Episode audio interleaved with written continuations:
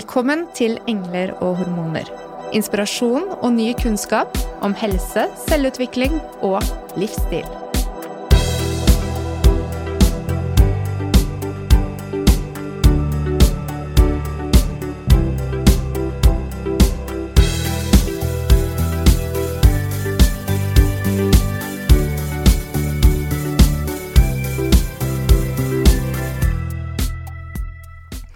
Hva skjer med parforholdet når sex gjør vondt? Tidligere har vi laget episoder om diagnostisering og behandling av vulvodyni. I dag inviterer vi psykolog Linn Myrtveit Stensrud til en samtale om hvordan norske par erfarer å leve med vulvodyni, og hvordan de kommuniserer rundt lidelsen. Vi håper at du som kvinne og partner gjennom denne episoden kan få verktøyene til å enklere kunne kommunisere rundt dette temaet. Og dette temaet som jo rammer ganske mange. Ja, det gjør jo det. Vi vet jo egentlig ikke helt hvor mange det rammer, da. Bare for å ta det først. Nei. Så er det ingen ordentlig gode studier på hvor mange som får dette. Så vi regner med at det er mellom 15 og 20 eh, Men studiet viser alt mulig forskjellig, og det er veldig vanskelig å finne ut fordi diagnosekriteriene hele tiden er i endring, og det er forskjellig i ulike land. Og mesteparten av forskningen er fra USA, som har en annen diagnosemanual enn Norge. Eh, Så det påvirker jo hvor mange som vil oppfylle kriteriene, da. Mm. Men vi er så takknemlige for at du har tatt deg turen hit i studio, og for at du velger å forske på dette temaet, som så sårt trengs å Det er et tema det trengs å vites mer om. Absolutt. Veldig enig. Ja. Vil du fortelle oss litt om deg selv, eh, Linn? Oi, hei. Eh, ja, si det. Eh, Jeg er psykolog. Så jobber jeg som universitetslektor på Universitetet i Oslo, på Psykologisk institutt. Og så kom jeg inn i dette temaet fordi jeg skrev hovedoppgave. Det er altså masteroppgave, bare for oss som går profesjonsstudiet istedenfor, så kalles det det. Eh, Så da intervjuet jeg en, noen par, Mm. hvor kvinnene da hadde vulvodyni, og så på hvordan det påvirket både pasientene og partnerne, og spesielt da dynamikken som har, eh, kom fram i parforholdene deres. Og utrolig viktig. Vi sitter ofte på andre siden i klinikken sammen med kvinnene, og av og til så blir partnerne med inn. Eh, men vi merker jo at å sette fokus på dette er noe som er viktige verktøy i vår praksis og i tverrfagligheten i behandlingen rundt pasientgruppen med vulvodyni. Og så sitter det kanskje noen hjemme nå og tenker hva er det egentlig dere prater om? Eh, Fordi vulvodyni er kanskje ikke så kjent for mange. Eh, Kan du fortelle litt, Linn, hva er det egentlig du har forsket på? Hva er vulvodyni? Veldig kort fortalt så er det langvarige smerter i vulva, altså ytre kjønnsorganet hos kvinner, eh, som da har vart i mer enn et halvt år. Og ut ifra det så er det veldig mye ulike symptomer og smerteintensitet og funksjonsnivå. Eh, Noen blir jo så dårlige at de blir sykemeldt og klarer ikke å gå og sitte og ligge uten veldig store smertestillende, Eh, mens andre fungerer eh, nokså vanlig, men har et sånn ubehag, noen ganger kløes via stikkende smerter. Det varierer veldig fra person til person. Mm. Og sitter du der hjemme nå og tenker ja, men jeg har jo vestibulitt, eller partiell vestibulodoni eller eh, provosert vulvodyni, eller eh, interstitiell cystitt, eller Kjært eh, barn av ja, ja. så, så gjelder denne episoden for deg også. Har du vondt når du har samleie, eller har vondt i bekkenet, så er denne episoden for deg. Ja. Mhm. Ja. Det er veldig vanskelig å skille de fra hverandre. Og det er jo noe av det gøye i forskningen nå, å drive og se på studier som da har sett på disse ulike diagnosenavnene, Mm. og prøve å få dem fra hverandre. Ja, så rent historisk så var den jo innenfor eh, psykiatrien. Eh, tidlig på 2000-tallet så var det jo eh, faktisk definert som en psykiatrisk diagnose. Så vi har i hvert fall beveget oss i retning av at eh, vi kan gjøre noe funksjonelt og medisinsk, da. Ja. Og det er jo selvfølgelig også et kjempestort spørsmål hvor mye av dette her er somatisk, og hvor mye er psykisk, da. Mm. Og jeg tenker jo definitivt er en god dose av begge deler. Ja. Jeg har lyst til å trekke fram et sitat jeg allerede nå fra denne oppgaven din, som jeg syns bare var så treffende. Nå er jeg spent. Er du spent på hva jeg har trukket fram? Ja, jeg er det. Det jeg kan kjenne at jeg blir provosert over, er jo den flink pike. at det handler om stress og sånn, da kan jeg kjenne at jeg blir sånn Jeg har faen meg ikke vondt i tissen fordi jeg har vært flink hele livet mitt. Sånn helt seriøst. Mm. Den er uh, sterk. Jeg får gåsehud. Ja. Um, ja, jeg fikk jo det mange ganger, jeg også, under disse intervjuene med de jeg pratet med. Uh, og jeg skjønner veldig godt den frustrasjonen, for det er en historie her om at veldig mange har blitt møtt i helsevesenet med at du må bare slappe av, puste litt med magen, eh, ikke sant? ta litt valium, gå på yoga, og så Eller Ta et glass vin før du har samleie. ja, for eksempel. Mm. Mm, det er veldig mange som har hørt sånne ting. Um, eller eh, ja. Eh, Mange varianter av at du må stresse ned og roe deg ned fordi du er egentlig litt sånn der nevrotisk og hysterisk. Mm. Det er noe som går igjen for mange. Og hva er det det gjør med oss da, når vi får høre det? Og vi har eh, smerter i tissen? Noe av det første du gjør, er jo at man ikke har lyst til å komme tilbake til Mm. det, den legen eller den terapeuten man møtte. Så det gjør jo at veldig mange eh, gir opp å få hjelp. Og det ser vi også veldig mange gjør, at de går i årevis før de tar det opp i det hele tatt. Mm. Veldig mange har, av de jeg pratet med, hadde jo hatt dette her i sånn ti år, og ikke fått noe særlig hjelp før de hadde hatt det i årevis. Mm. Og, og det er jo fordi det er veldig skamfullt for mange. Det er, regnes jo som et seksuelt problem, mer enn kanskje sånn en smertelidelse, som jeg tror gjør det litt vanskelig for mange å søke hjelp. For det er jo en smertelidelse, akkurat som folk har vondt i nakken, ryggen, eh, folk har ischias og sånn, og det er helt innafor, eller hodepine. Men folk har veldig mye høyere terskel for å si at de har vondt i tissen, enn å si at de har vondt i hodet. Mm. Eh, og en del får jo påført veldig mye skam, og noe vi har sett i forskningen, er at de som får denne her lidelsen presentert som noe psykisk utløst, de har dårligere prognose. Mens hvis helsepersonell eh, framer det som at dette her er noe psykisk, eller fysisk og somatisk, så går det som regel bedre. Mm. Og det sier jo kanskje noe om hvordan, hvordan den skamfølelsen bidrar til å håndtere det dårligere, da. Det er veldig interessant, og det er jo et stort flagg for alle helsepersoner som hører på oss nå, som møter denne pasientgruppen og legger merke til at ønsker du suksess med din behandling, så er det viktig å bringe inn det fysiske og se på kroppssystemene som ligger rundt for å finne årsaksforklaringer og støtte pasienten gjennom behandlingen. Ja, og så tror jeg veldig mange av helsepersonell tenker at dette her har mye med stress å gjøre, fordi det er en gruppe som ofte fremstår som veldig ressurssterke, um, ofte studerer psykologi og medisin, er veldig flinke, um, ofte har en tre deltidsjobber på si og jobber mye, så det er kanskje ikke sånn helt ut av det blå at helsepersonell tenker at det har med stress å gjøre. Samtidig så er det jo veldig mange som har det samme stresset som ikke får denne lidelsen. Mm. Eh, Men vi vet at det er en overvekt av angst og depresjon og selvmordsanker i denne pasientgruppen. Eh, Og det ser ut som det både kan være med å utløse lidelsen, samtidig som det blir verre også av de smertene. Og det jeg ofte blir irritert over med helsepersonell, er de som eh, sier at disse jentene er så nevrotiske, og de er så stressa, og de er så hysteriske og sånn, eh, og derfor har de fått smertene. Og så tenker jeg at alle som får intense smerter og går med de årevis og blir mistrodd i helsevesenet og får beskjed om at de innbiller seg det, de blir jo stressa, Selvfølgelig. ikke sant. Og det er også en konsekvens av hvordan man blir møtt, da. Mm. Men for jeg vil bare føre til en ytterligere isolasjon, for jeg vil jo anta at som kvinne som opplever eh, smerter i dette området, så vil man føle seg isolert, og det å prate om det er vanskelig. Mm. Og hvordan er, er det du ser på dette her med samtale om eh, smertene med partner? Ja, det er et godt spørsmål. Det er jo noe av det jeg har intervjuet mine deltakere om. Eh, og det jeg ser er at de fleste snakker veldig lite om det. Også de som selv forteller meg at de er veldig åpne og snakker om alt, så er det ofte de snakker om alt unntatt akkurat dette. Mm. Eh, og det er ikke egentlig bare med partner, men de fleste sier jo ikke noe til legen, familien, venner. Eh, hun samme som sa dette her om at eh, hun var så sinna, for hun var jo ikke stressa, det var ikke det som gjorde hun fikk vondt i tissen.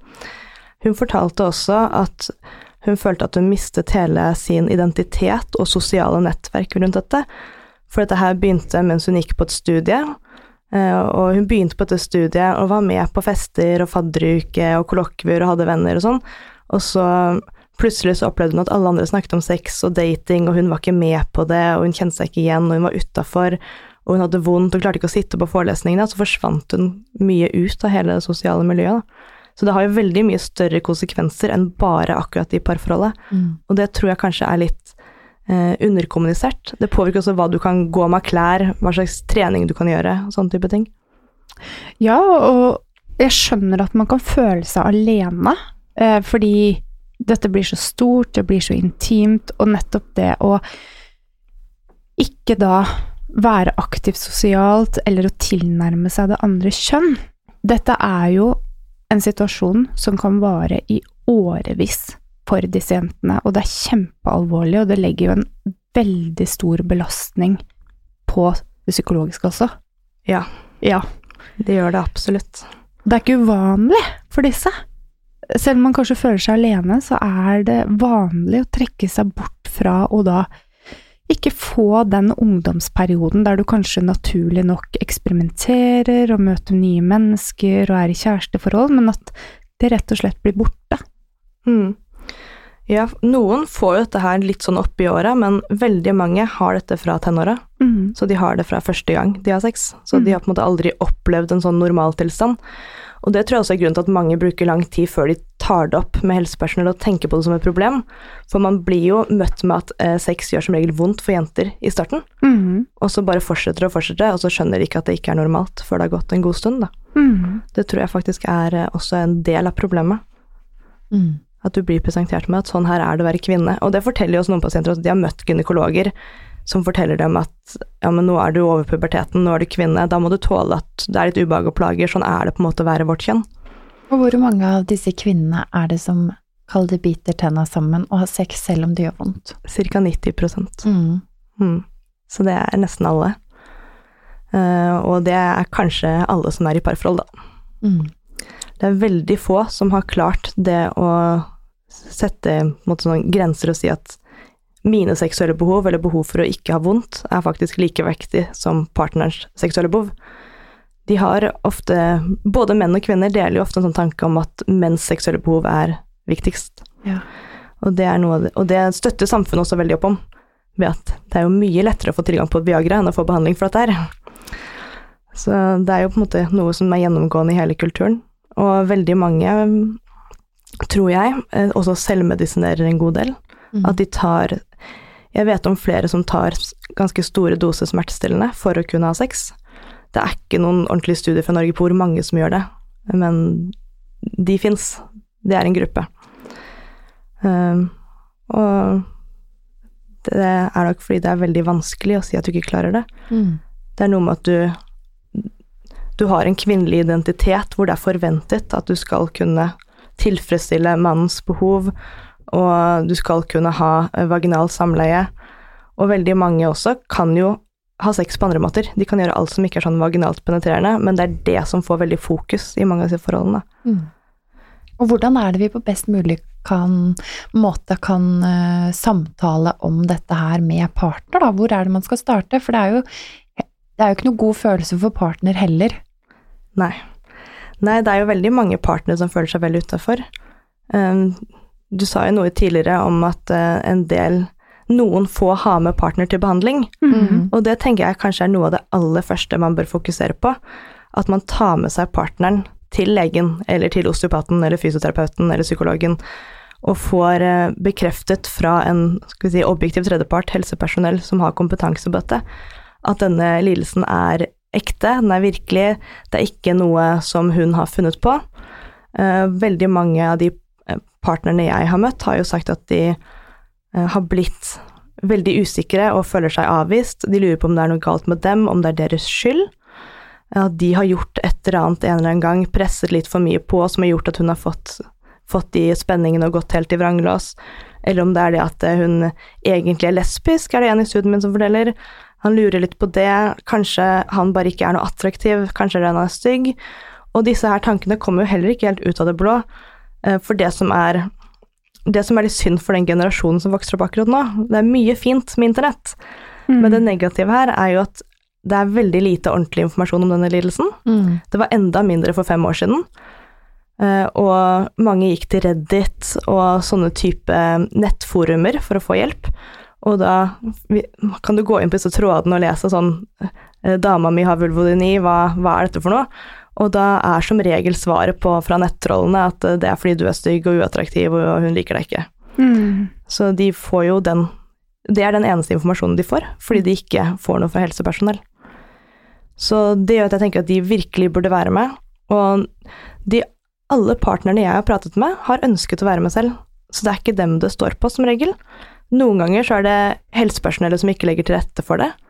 Men også ganske ofte så er det kvinnene selv som ikke ønsker å ha det med. Eh, Noen ganger fordi de f.eks. har eh, holdt dette veldig skjult, og kanskje løyet om hvor ille det har vært. De har bitt henne sammen og tatt smertestillende. De har faket orgasmer og latt som alt er helt greit. eh, Noen ganger i mange, mange år. Og da er det veldig vanskelig å ha med partneren eh, og på en måte innrømme at alt dette her har vært fake i årevis. Mm.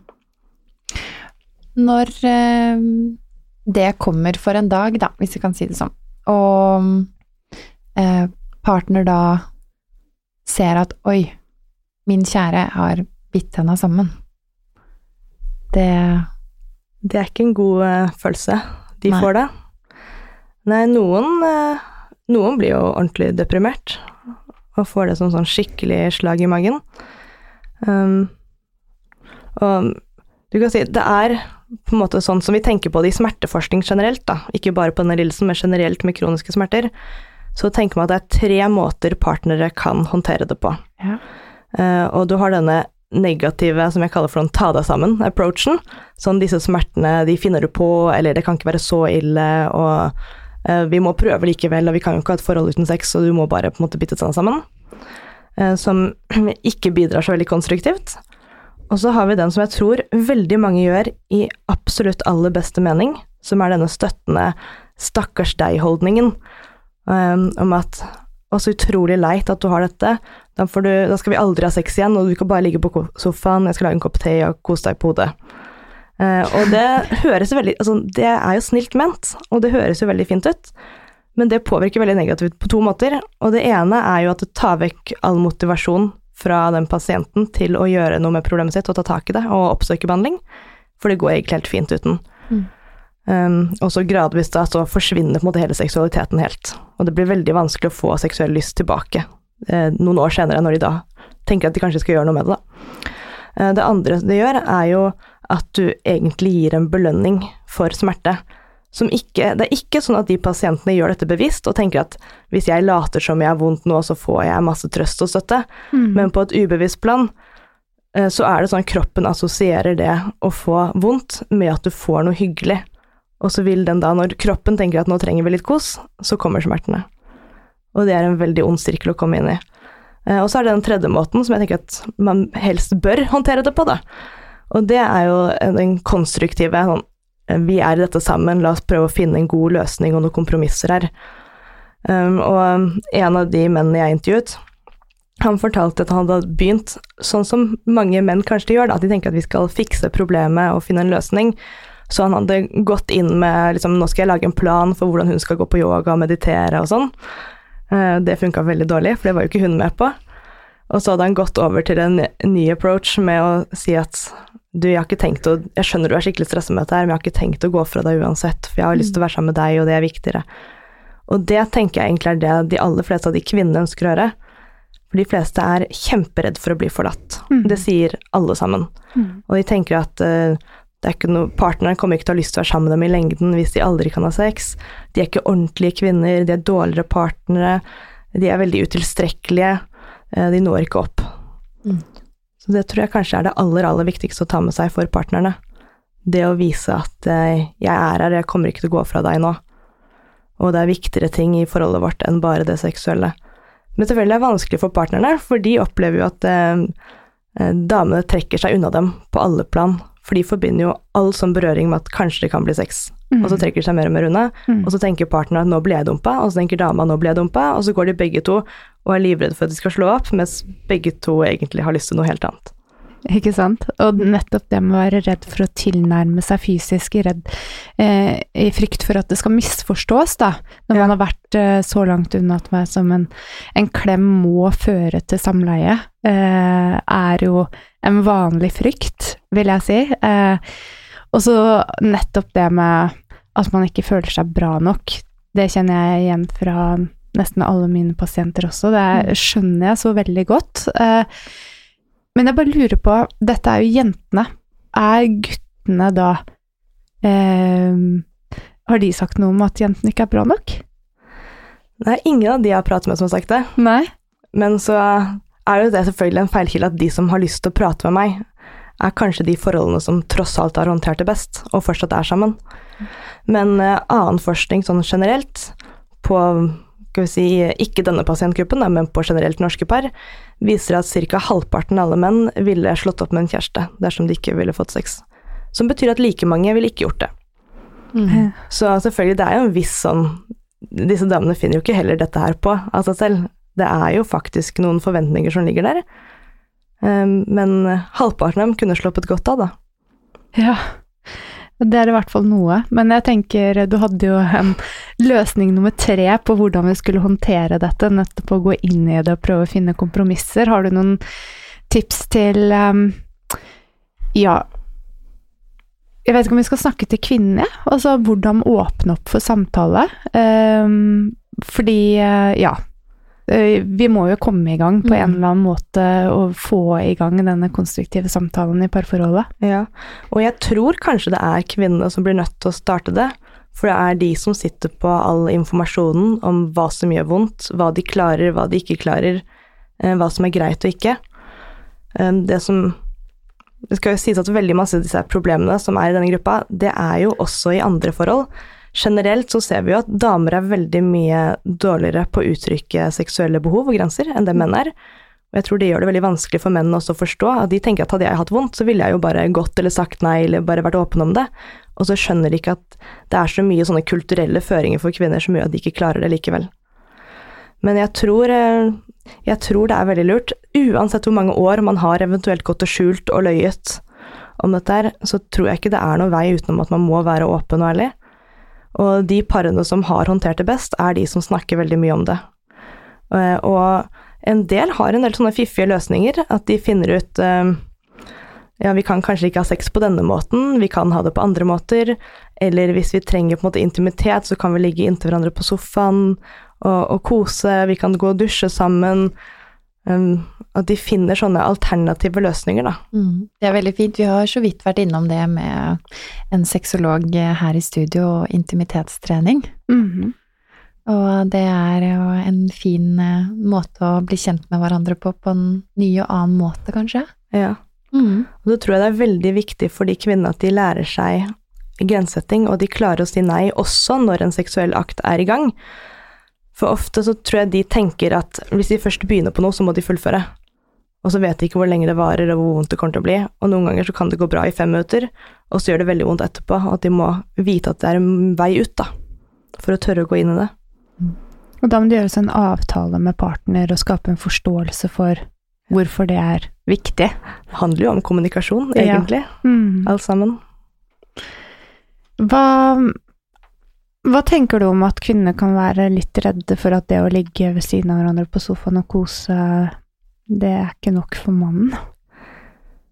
Ja, det er jo veldig sånn eh, vanskelig posisjon å være i. Mm. Og det er jo det veldig mange av dem føler på.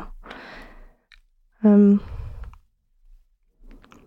men jeg tror jo igjen der at det som egentlig kan hjelpe på det, er åpen kommunikasjon. Mm. For når begge parter går og skjuler sine egne behov for hverandre, så har de også grunn til å mistenke at den andre skjuler noe. For de gjør det selv, ikke sant. Ja. Så hvis jeg holder masse hemmelig, så tenker jeg at da gjør sikkert kjæresten min det også. Og da er det duket for at du går og spinner på masse sånne fantasier, og det så jeg veldig i min studie, at begge parter ofte hadde eh, skal vi si, utbroderte teorier om hvordan den andre tenkte om dem, Mm. som overhodet ikke stemte med hva partneren sa. Kan du komme med eksempler på det? Um, ja, det var jo for eksempel altså, Det som gikk igjen hos alle, da, var den tanken om at hvis vi ikke har sex, så vil han ikke være sammen med meg. Mm. Hvis ikke dette har løst seg i løpet av et år eller to, så kommer han ikke til å gifte seg med meg, og da kan ikke vi være sammen, og så får jeg ikke barn og alt det der. Uh, og det sa jo ingen av mennene. Um, det andre var at uh, noen hadde sånne tanker om hvordan sexliv den andre egentlig ønsket seg. Ja. Og det skulle være veldig sånn A4, og det skulle være på en måte misjonæren, og ikke eksperimentere med noe annet. Så derfor var det ikke noe poeng å eksperimentere med å prøve noe annet. Mm. Um, noen, veldig få partnere, har bekreftet den. Men eh, de aller fleste tror jeg ville synes det har tatt det veldig takknemlig imot, da. Hvis eh, hun kom hjem og sa at jeg kan ikke ha akkurat vaginalt penetrerende samleie, men kan vi prøve å finne på noe annet? Så blir det nok det som oftest tatt godt imot, da. Det er fint å kunne differensiere litt, da, fordi mange tenker jo kanskje at sex er nettopp penetrerende samleie, og at det kan være mer, er jo ja, viktig å forstå. Ja. Ja. Det er disse to klisjeene, på en måte. Sex er mer samleie, og kommunikasjon er viktig. Ja. Det er hovedpunktene. Absolutt. ja. Hvordan føler du rundt, uh, rundt det? At det er klisjeer? Uh, har du Men det jeg tror er veldig viktig, er at partnere blir med til noe helsepersonell. mm. Og det er det flere av pasientene som sier at så fort legen sa at det kan være lurt å avstå fra sex, Mm. så var det greit. Men de to årene før en lege hadde sagt det, så kunne de ikke si nei. Mm. Så nei, klisjeer er jo der fordi det har en viss relevans, da. Det er jo er det en sannhet i samfunnet. Ja, men eh, det, dette med hva helsepersonell sier til denne pasientgruppen, er jo veldig viktig. Det er en avhandling i seg selv, det. Ja, det blir Egentlig. kanskje neste prosjekt for deg, eller? Jeg håper ikke det, men Nei. eh, det er mye, mye rart der ute ja. som Kan, blir sagt. kan du gi noen eksempler for oss? Um, altså det, det flere opplever, er jo at de blir skjelt ut når de kommer til en gynekolog. Eh, Da har de først gått i to år med smerter, prøvd å skjønne hva er det, og til slutt så tenker de dette her er noe skadelig, noe galt, jeg må finne ut av det. Og så blir de sendt, noen har vært hos liksom, 18 forskjellige leger, blir sånn veldig kasteballer i systemet, for ingen skjønner hva som er galt. Og så er det en del som kommer til noen gynekologer til slutt, som skjeller dem ut noe skikkelig. Skjeller de ut? Ja, for da tar de opp tiden deres eh, ved at de finner opp ting som ikke eksisterer. For dette her kan jo ikke måles, det vises ikke på noen blodprøver. Så da er det en del leger, også gynekologer, som er spesialistene på dette egentlig, som ikke tror på at det fins. Så de tror at de finner det på, at de vil ha oppmerksomhet, som er en veldig interessant tanke. For jeg tenker at er det én type oppmerksomhet man ikke vil få, som tenåringsjente, så er det vel på en måte sånn underlivet mitt fungerer ikke. Mm.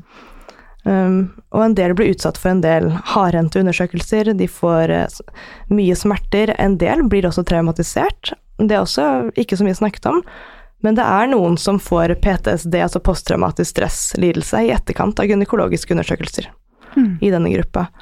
Og man har, kom en svær studie for et par år siden hvor man så på hvordan helsepersonell så på denne gruppen. Og det som ofte gikk igjen da, var de så på disse som eh, nevrotiske, hysteriske, frigide eh, jenter som da søkte oppmerksomhet. Så det er holdninger som er der ute. Så det er jo noe med hele det generelle kvinnesynet som påvirker eh, denne gruppen. Nå tenker jeg så viktig budskap til alle de som sitter der og føler seg veldig alene i det, og som har møtt eh, disse typer uttalelser hos eh, ja, spesialistene, da. Ja, det er jo helt hårreisende. Jeg tenker at det, det er veldig For å si noe helt direkte, da, så tenker jeg også at eh, i møte med egen mangel på kompetanse, mm. så handler det noe om ydmykhet over å ikke kunne stille med riktig eh, diagnose, eller med mulighet for behandling, men med en ydmykhet om å lytte og forstå og henvise videre, eh, skaffe seg et faglig nettverk og ta kvinnene på alvor. Fordi det er altfor mange slike historier når det gjelder kvinnehelse, som vi dessverre møter hver eneste uke på klinikken. Ja. Og dette er For hver enkelt person så føler man seg alene. Og det verste er at dette er vanlig. Mm. ja, det er ca. én av fem, mm. så det er jo kjempevanlig. Det er jo flere i hver eneste skoleklasse. Ja. Eh, Og jeg tror også noe av problemet for helsepersonell er jo det at det er ikke noe særlig om dette i studiene. selv ikke for legene og gynekologene. Så det er noe de fleste ikke helt vet hva er, og de vet ikke hvordan det skal behandles, eller hvor de skal henvise. Mhm. Og så har vi disse vulvaklinikkene, vi har tre av i Norge, som egentlig er de som har mest kompetanse på dette, og de har kjempelange ventelister og altfor lite penger og ressurser. Så vi har jo fått tre nå, lenge var det jo bare to. Eh, Ja. eh, så Trondheim, som server Midt-Norge og Nord-Norge, der har de tilgjengelig gynekolog, er det én dag i måneden? Jeg tror det er hver ons, ja, onsdag hver, tre, ja, hver tredje uke. Onsdag hver tredje uke, eller noe. Ja. Så det er jo helt latterlig. Ja, det er kjempelange ventelister, Mm. og det er Det burde vært gitt veldig mye mer ressurser da, til denne gruppen. Mm. Det har vi også tatt opp i tidligere episoder, dette her med at kvinnehelse er så underprioritert. Og når det er på en måte et faktum, så må man jo prøve å få til en viss eh, form for endring og mestring også i parforholdet. Og da finnes det jo noen ulike mestringsstrategier eh, som du har sett litt på i oppgaven din. Du har jo vært innom eh, liksom hvordan man skal kommunisere, og hvordan man skal ja, kommunisere med hverandre.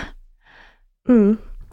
Ja, det jeg tror er veldig viktig også for partnerne å høre, er jo at for de aller fleste pasientene, så er partner den aller nærmeste støttespilleren, Mm. Og ofte den eneste som til en viss grad i hvert fall faktisk forstår lidelsen, og ser det på nært hold. For det her er ikke noe som familie og venner ser, og helsepersonell vet ikke alltid så mye om det. Mm. Så de er kjempeviktige for de som er i parforhold, da. Bare sånn at jeg har sagt, for det er jo mange av disse som også er single, og som syns det er veldig vanskelig å komme ut på datingmarkedet og sånn. Um, hva var det du spurte om nå? Mestringsstrategier. ja, det var det. Ja. Jeg holder jo en veldig stor knapp på det med åpenhet, og snakke om det Mm. mest mulig. Og prøve å finne disse kompromissene, hva vi kan gjøre. Og med kompromisser så mener jeg jo ikke da at, at kvinnene skal presse seg veldig til å gjøre ting som gjør vondt, for det er jo det som kanskje har vært eh, utløsende årsak i utgangspunktet også for noen. Eh, Men- og noe de iallfall har gjort veldig lenge.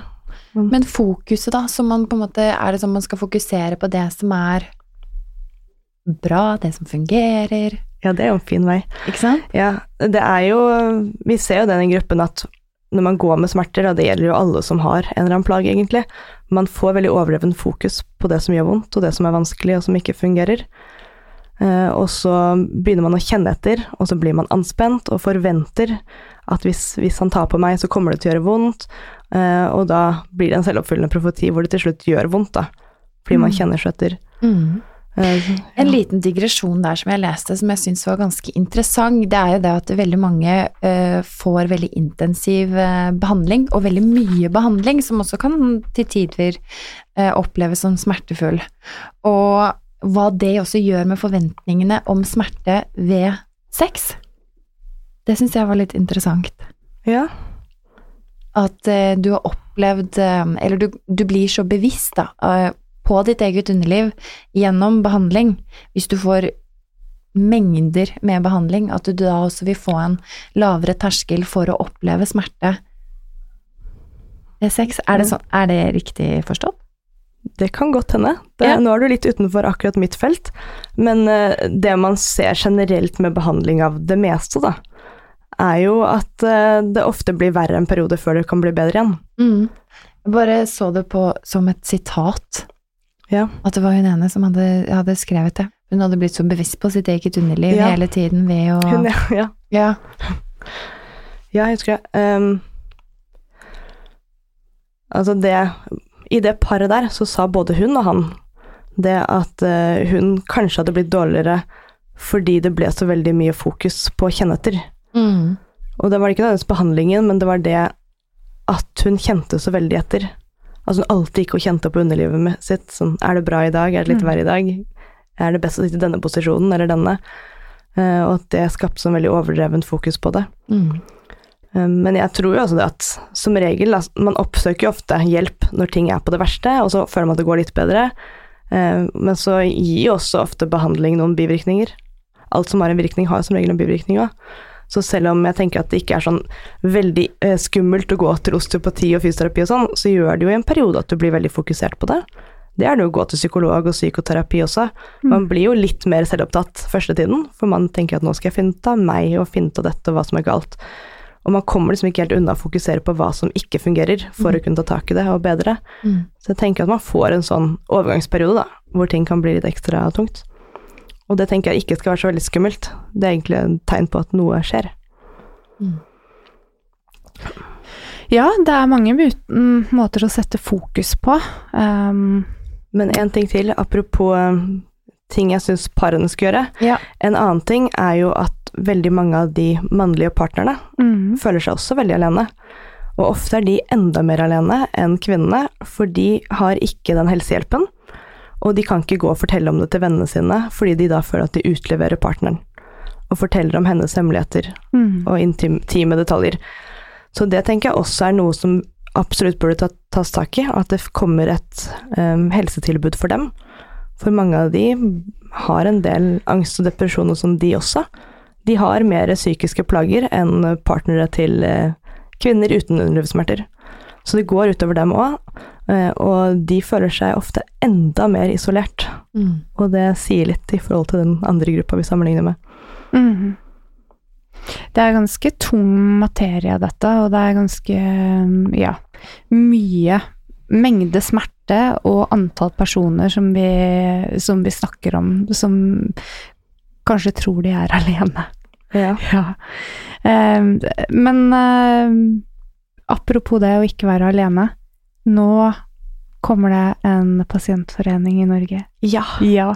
Og det er på høy tid. Ja. Mm. Det syns jeg er kjempeflott. Den Mm. er under utvikling nå. Mhm. Eh, Den heter eh, Pasientforeningen for underlivssmerter.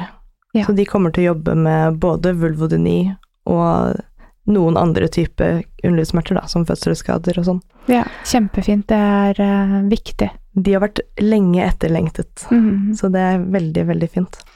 Skal vi pitche inn at eh, det kanskje bør dannes en sånn pårørendegruppe for disse eh, partnerne også, som føler seg så enda mer alene? Det kunne vært en fin idé. Nå vet jeg at denne pasientforeningen har det som en post på sitt program, at de har lyst til å jobbe for det. Mm. Um, mange av de som kommer til å være med den foreningen, har nok partnere. Mm. Så det er jo noe mange av de også er opptatt av. Mm. Vi linker selvfølgelig til pasientforeningen på episodebeskrivelsen, slik at du som sitter der hjemme og har lyst til å få mer informasjon, kan kontakte dem. Mm. Mm. Ja, tusen hjertelig takk for at du kom i studio. Er det noen punkter som du tenker at eh, det er viktig å få fram før vi runder av eh, helt? Jeg kan jo ta en liten oppsummering på det jeg tenker er sånn Kjempefint. viktige punkter å gjøre selv. Kjempefint. Um, det ene for kvinnene, så tenker jeg det hjelper å få noe informasjon om lidelsen, hva det er, finne andre i samme situasjon, og få eh, svar på bekymringer. Veldig mange er redde for eh, at det aldri går over, at det ikke fins noen behandling, eller at det skal bli vanskelig med graviditet og svangerskap og sånn. Og det kan jeg jo si med en gang, at det, det er ikke noen eh, mer svangerskapsplager hos disse enn hos andre. Og det er ikke vanskeligere å føde. Nei, og det er ikke vanskeligere å bli gravid. Nei. Men veldig mange tror jo det, Mm. eh, som jeg forstår. Eh, og så er det veldig mange som sliter med det eh, mannsrollen og kvinnerollen, og hvem skal gjøre hva. At man kanskje må gå litt ut av den der A4 heteronormative boksen, på en måte med at mannen skal gjøre dette og kvinnen skal gjøre dette. Um, og så tenker jeg man burde absolutt prate med hverandre og finne ut Ikke lage masse sånne konspirasjonsteorier om hva den andre tenker, men heller få tak i faktaene. Um, og så selvfølgelig få ordentlig utredning og diagnose. Komme seg til en av vulvaklinikkene eller Volvat eller Aleris eller en av disse som har spesialister på det. Eh, Og finne en behandling som hjelper. For noen så er det eh, osteopati eller fysioterapi. For andre så er det andre behandlinger. Men det fins ganske mange ulike behandlinger. Så er det ikke alle man får eh, dekket gratis av staten, og det er kjempesynd. Men det fins veldig mye som hjelper. Og de aller fleste jeg har pratet med, har vært veldig fan av osteopatene sine. Så det, og selvfølgelig en, noen psykologer jobber med dette også. Mm. Som er viktig. Ja. Eh, og sexologer. Ja. Eh, og em, spesialiserte gynekologer som uh, har evne å se kvinnene og være skånsomme når de undersøker. Ja, og det er for en del, så uh, halvparten av denne gruppen cirka, viser jo en ny norsk undersøkelse at har vært utsatt for overgrep. Mm. Og da kan det jo hjelpe å gå til en psykolog og få mer traumebehandling. Uh, og for noen så er det kanskje parterapi som trengs. Mm. Eh, for mennene så tenker jeg det er eh, hold deg unna Reddit. Mm. Eh, Oppsøk ordentlig informasjon, og ikke fra nettrollene. Og finn noen å snakke med. Og det tenker jeg også til kvinnene, at de må la partneren sin få lov til å snakke med noen. Eh, Mm. For noen vil jo ikke det, men jeg tenker at han må få i hvert fall én person han kan faktisk snakke med åpent. Det tror jeg er veldig viktig. Mm. Eh, og så har menn ofte skyldfølelse. Og jeg kan også si at det er jo ikke noe de har gjort, som regel, som kan utløse dette. Det er en sykdom som mye annet. Du hadde et sitat eh, på foredraget ditt om hva en mann hadde sagt om hvordan han følte seg når han fikk vite at partneren hadde hatt smerter i lang tid. Ja, nå regner jeg med at du refererer til han, han som så på seg selv som en voldtektsmann. Ja.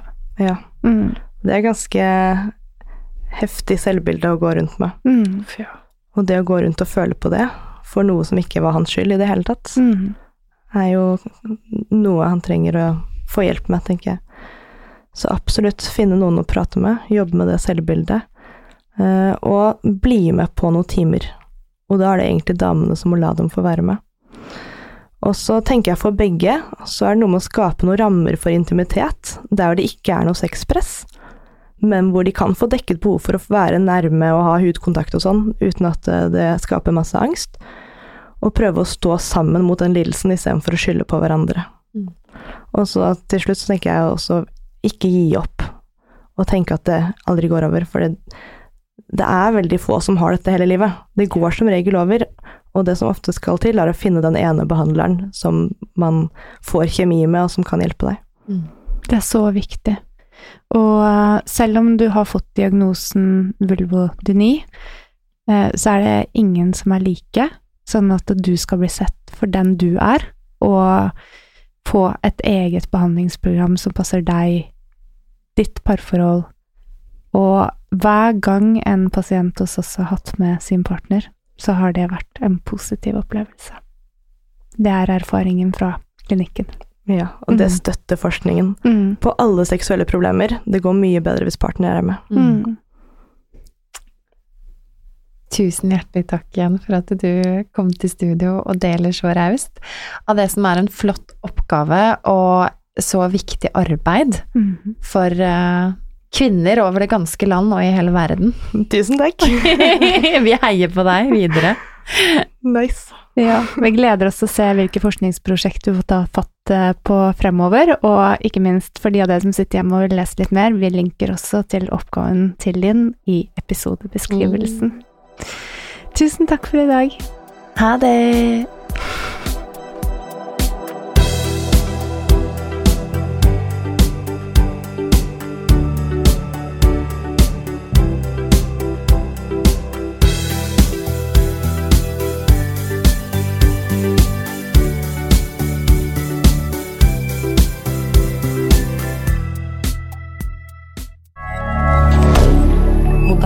D'accord.